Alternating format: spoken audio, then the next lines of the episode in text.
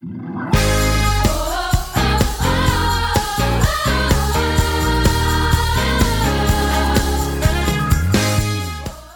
to the City Church International podcast. Each week we launch new teachings and preachings from our Sunday service. We hope it will encourage you in your relationship with Jesus and empower you in your everyday life.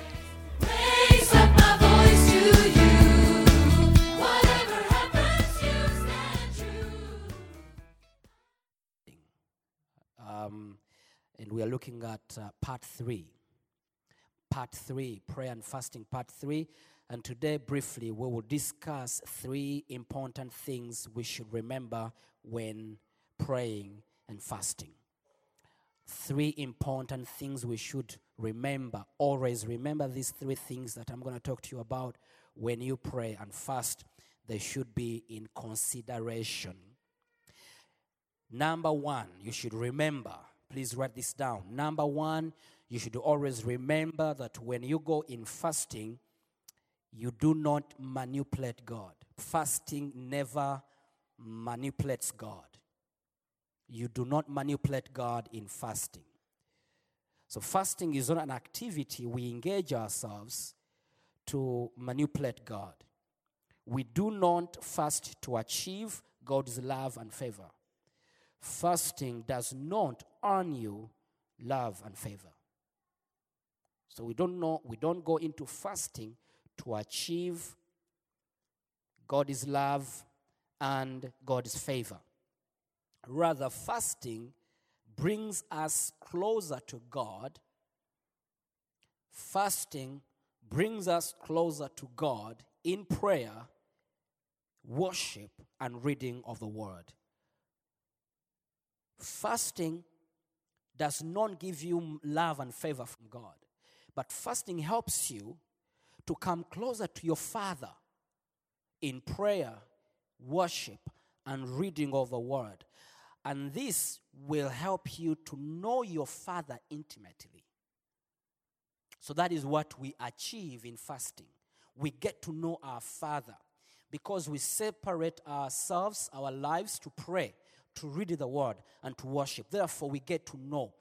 Fasting helps us to fellowship intimately with the Father. Fasting is service to God. This is very important. Fasting is service to God through your body. Remember, we are discussing number one, fasting never manipulates God. Now we are explaining what fast helps us to achieve not love and favor. Love and favor has been achieved already on the cross. So now I'm discussing with you what fasting helps you to achieve. Fasting helps you to achieve intimacy. Fasting helps you to achieve intimacy. You need intimacy with your Father. You need to know the voice, the heartbeat of your Father. So fasting helps you. Now, fasting is service to God through your body, the temple. Your body is the temple. Let us quickly go to 1 Corinthians 3, verse 16 to verse 17. Do you not know that you are the temple of God and that the Spirit of God dwells in you? Don't you know that you are the temple of God and the Spirit of God dwells in you? If anyone defiles the temple of God, God will destroy him. He's talking about your temple, I mean, your body. Your body is the temple of God.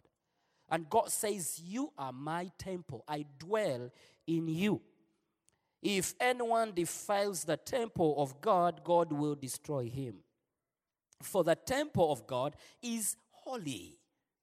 Touch your heart and say, The temple is holy. Say it like you mean it. Touch your heart and say, The temple is holy. Say it again. The temple is holy. Say this again. Say, I am not defiled. Say it again. I am not defiled. Say, This temple is holy. If anyone defiles the temple of God, God will destroy him. For the temple of God is holy. Which temple you are? You are the temple of God.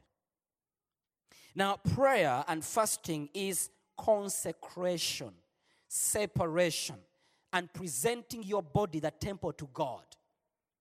Prayer and fasting is consecration. You consecrate the temple. When you go into fasting, you consecrate the temple. When you go into fasting, you consecrate the temple, you separate the temple, you present the temple to God. Okay? Please don't go so fast. Go with me, follow me. So when you go into fasting, you you are actually consecrating, you are cleaning the temple. And when you clean it, when you consecrate, it becomes purified. You present the temple, your body, to God because it's holy, undefiled. You see what fasting does? It cleanses, purifies, consecrates, separates.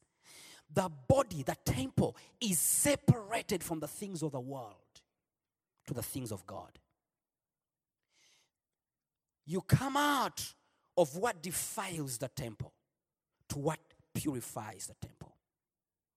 There are a lot of things that we do, engage ourselves in, that defiles the temple. And God says, I want my temple undefiled. You remember Jesus goes in the temple and he finds men and women selling doves, exchanging money, doing business in the temple of God. And you know, Jesus beat them up. He was offended. Do not offend God. Let the temple be undefiled, and fasting will help you. Jesus beats them up, turns the tables upside down, and he says, I declare this house to be a house of prayer for all nations. He's, in other words, he says, I am re-establishing my temple. Oh, God is establishing you. I say, God is establishing you. God says, I purify my temple. For these 21 days, God is purifying the temple. God is purifying, declaring his temple. And he says, I live in here. Sin does not live in this temple. I live in this temple. Right now, God is breaking the cycle of sin. Many of us, we have compromised the temple. So he's purifying the temple, re-establishing the temple, and says, My temple is holy. Touch your heart and say, The temple is holy.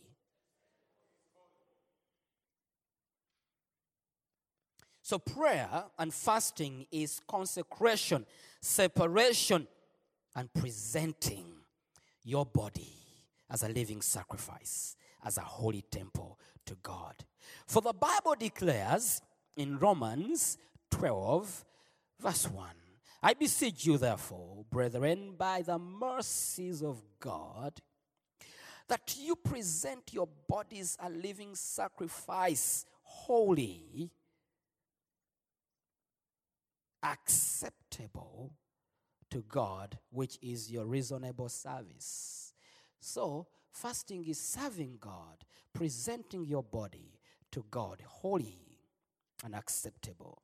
I beseech you, therefore, brethren, by the mercies of God, that you present your bodies a living sacrifice, holy, acceptable to God, which is your reasonable service. Holy and acceptable, a living sacrifice. Like I shared on Thursday, that the word living, the living sacrifice, the word living in the original translation means time and life. So God says, You cannot give me dead things, you give me living things.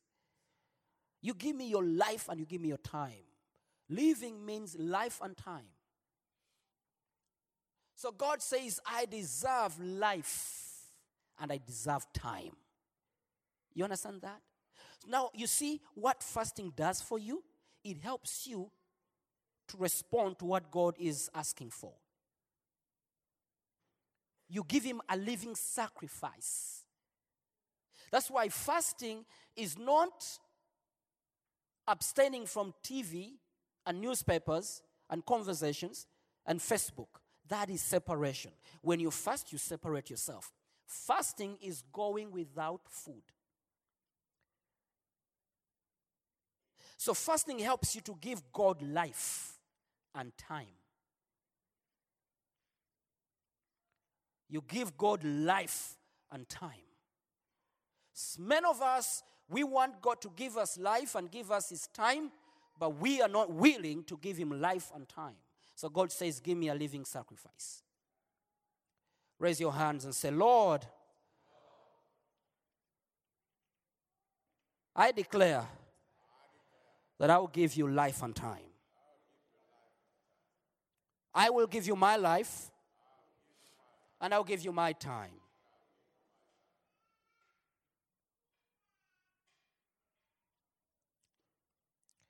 So, this is what fasting does for us. Fasting does not manipulate God to receive love or favor.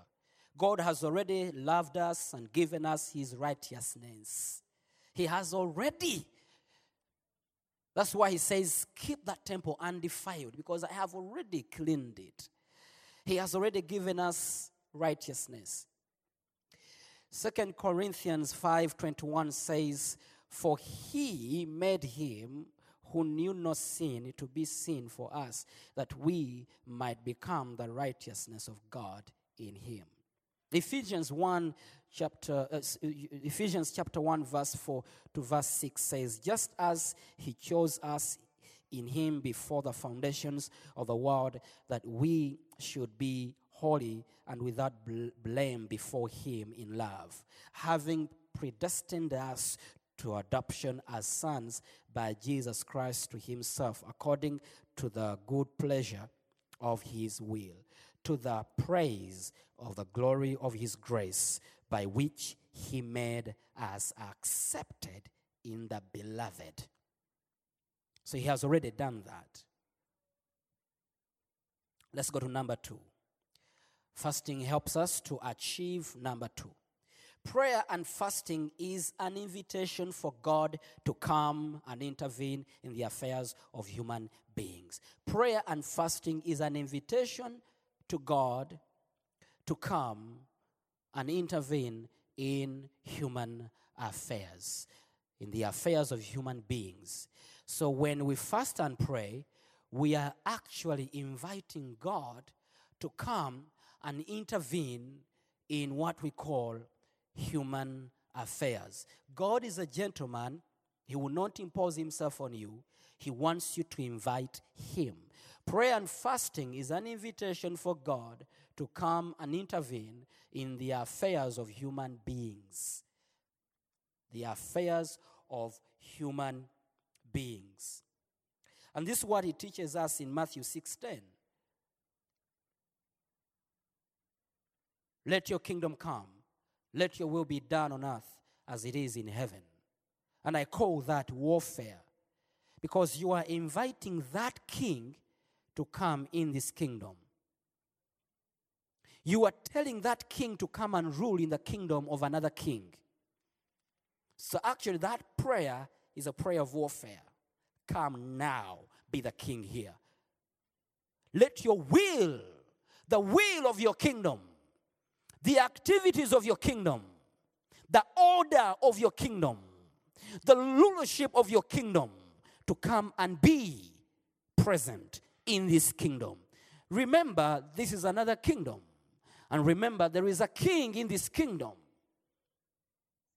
So you are here as a, an agent connecting to the other government, telling that government, come, let's take over this government. It's warfare.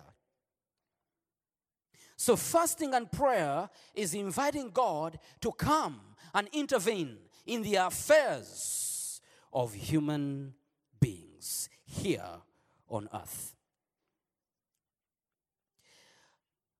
I want to give you a few examples. One is Nehemiah. Nehemiah called upon God on behalf of his nation.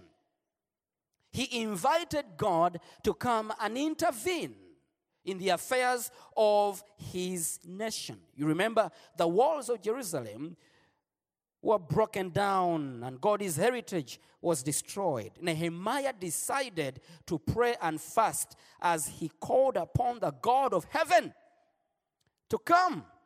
So I don't know what is happening in your life, in your family, in your personal life, at your workplace. You can invite God to come and intervene. Whatever is happening in your life, you have this one opportunity to invite God to come and intervene. Every demonic forces in your life that are keeping you restless, you can invite the God of heaven. You have the power to invite the God of heaven. He has told you you can call upon me and you can ask me to do my will in your life. Hallelujah.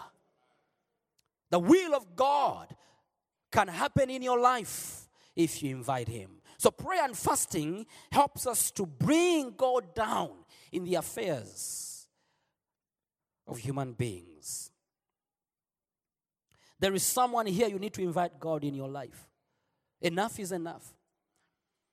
The devil has been playing football in your life, playing soccer in your backyard. Enough is enough. This is a time for you to invite God to come, to intervene in the affairs of your life. Now, raise your hands, everyone here. You have a situation. You have a situation. Raise your hands. Close your eyes and look at the Father. Right now, invite Him to come in the affairs of your life. Come on, take this moment seriously. Invite Him.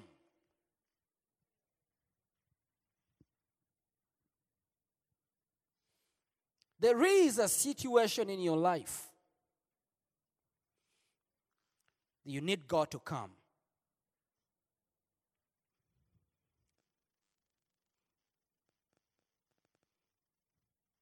Amen.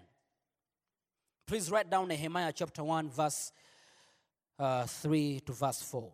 So it was when I heard these words that I sat down and wept and mourned for many days. He went for many days.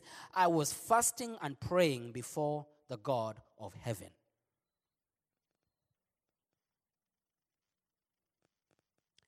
Let us look at another example. Queen Esther. You remember Queen Esther and all the Jews, when their enemy pursued them, they called upon the God of heaven in prayer and fasting. God answered, and their enemy was destroyed in their place. Haman had prepared a place to kill the Jews, to destroy the Jews, beginning with Mordecai. And when they began to pray and fast, they invited the God of heaven to come in their situation. You remember the story, how it ended. Their enemy died in the place he had prepared for them to die. Prayer and fasting will redeem time, redeem everything that you have lost. Prayer and fasting will bring victory in your life. You remember King Jehoshaphat, example 3, and his kingdom called upon God in prayer and fasting. God heard them. He came down, and their enemies helped to kill each other. In Second Chronicles 20, verse 3 to verse 4, and verse 20 to verse 5, you will see the story. In your very eyes, you will see how God can destroy your enemies when you call upon Him. King Jehoshaphat called upon the kingdom and said, Let us go into prayer and fasting. Their enemies were coming to destroy them, wipe them off. And he said, Let us go into prayer and fasting. It's a spiritual weapon. Says spiritual weapon. And when they began to pray and began to fast, their enemies began to kill one another. The people that had come to destroy the kingdom destroyed themselves. That is the power of fasting and prayer. Oh my goodness. I pray you catch this. Oh, praise God. This is the power of fasting and prayer. The power of fasting and prayer leaves your enemies down, their heads off. The power of fasting and prayer leaves your enemies down and their heads off. When they came, their dead bodies, the dead bodies of their enemies were floating on water.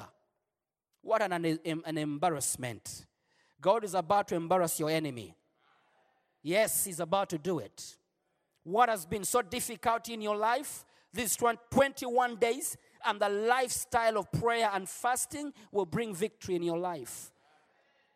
Raise your hands and say, Father, anoint me to fast, anoint me to pray. Friends, I don't know what your struggle is, but I want to ask you a question. Why are you struggling? And yet, this weapon has been given to us. So many believers are struggling, and yet this weapon is given to them. You have a lot of struggle in life, but I want to ask you, why are you struggling? And yet, the truth has been revealed. Why are you struggling? Why are you struggling? Why don't you make up your mind today to step out of struggle? Why don't you make up your mind today and say, enough is enough? I'm going to get the weapon out. Please get the weapon out. Number three, fasting is a preparation period and warfare. Fasting is a preparation f- period and warfare. When we go into fasting, we are preparing ourselves and we are fighting. Two things you do when you fast. Please understand this, friends. Two things you do when you fast. When you fast, like we are fasting for these 21 days, number one, we are preparing. Number two, we are fighting.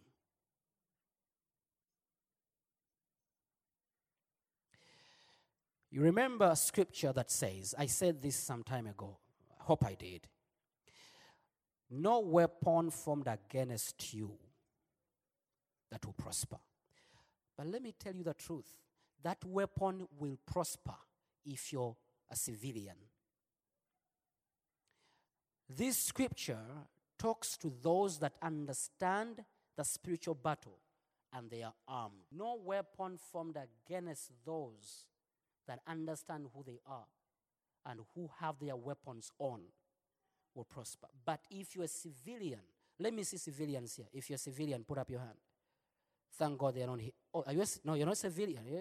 You're not a civilian. Are you a civilian? If you're a civilian, it will get you. It will prosper. Huh? But if you're a fighter, it will not prosper.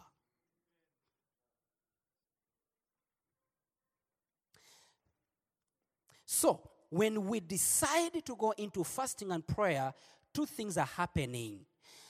So, you don't have to joke. Do not entertain thoughts, entertain devils.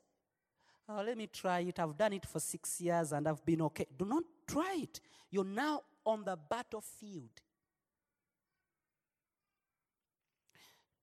Right now, we break the cycle of sin.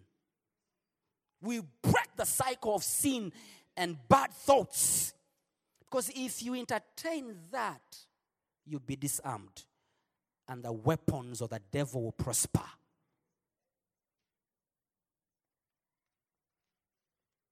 Right now, we dip ourselves in the blood of Jesus and in the grace of God.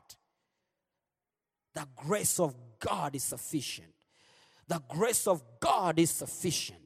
We understand what He did on the cross, but we also understand the seriousness of sin. Sin will kill you. It's so serious. If you entertain sin,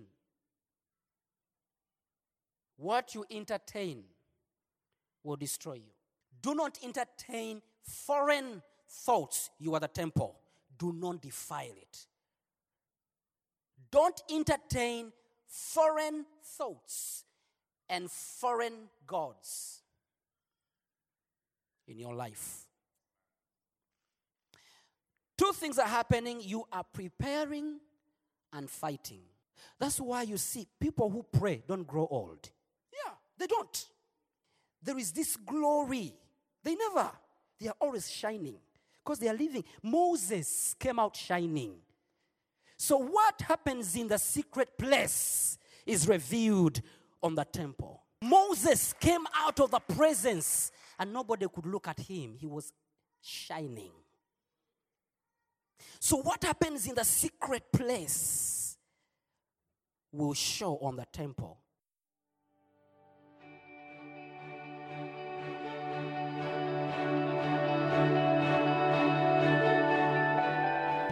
Thank you for listening. If you're in the Stockholm area, feel free to join us at our international services every Sunday at 2 pm at Adolf Fredriks Kyrkogata 10. If you'd like to know more about Jesus or for any other information, please do visit us at ccistockholm.se.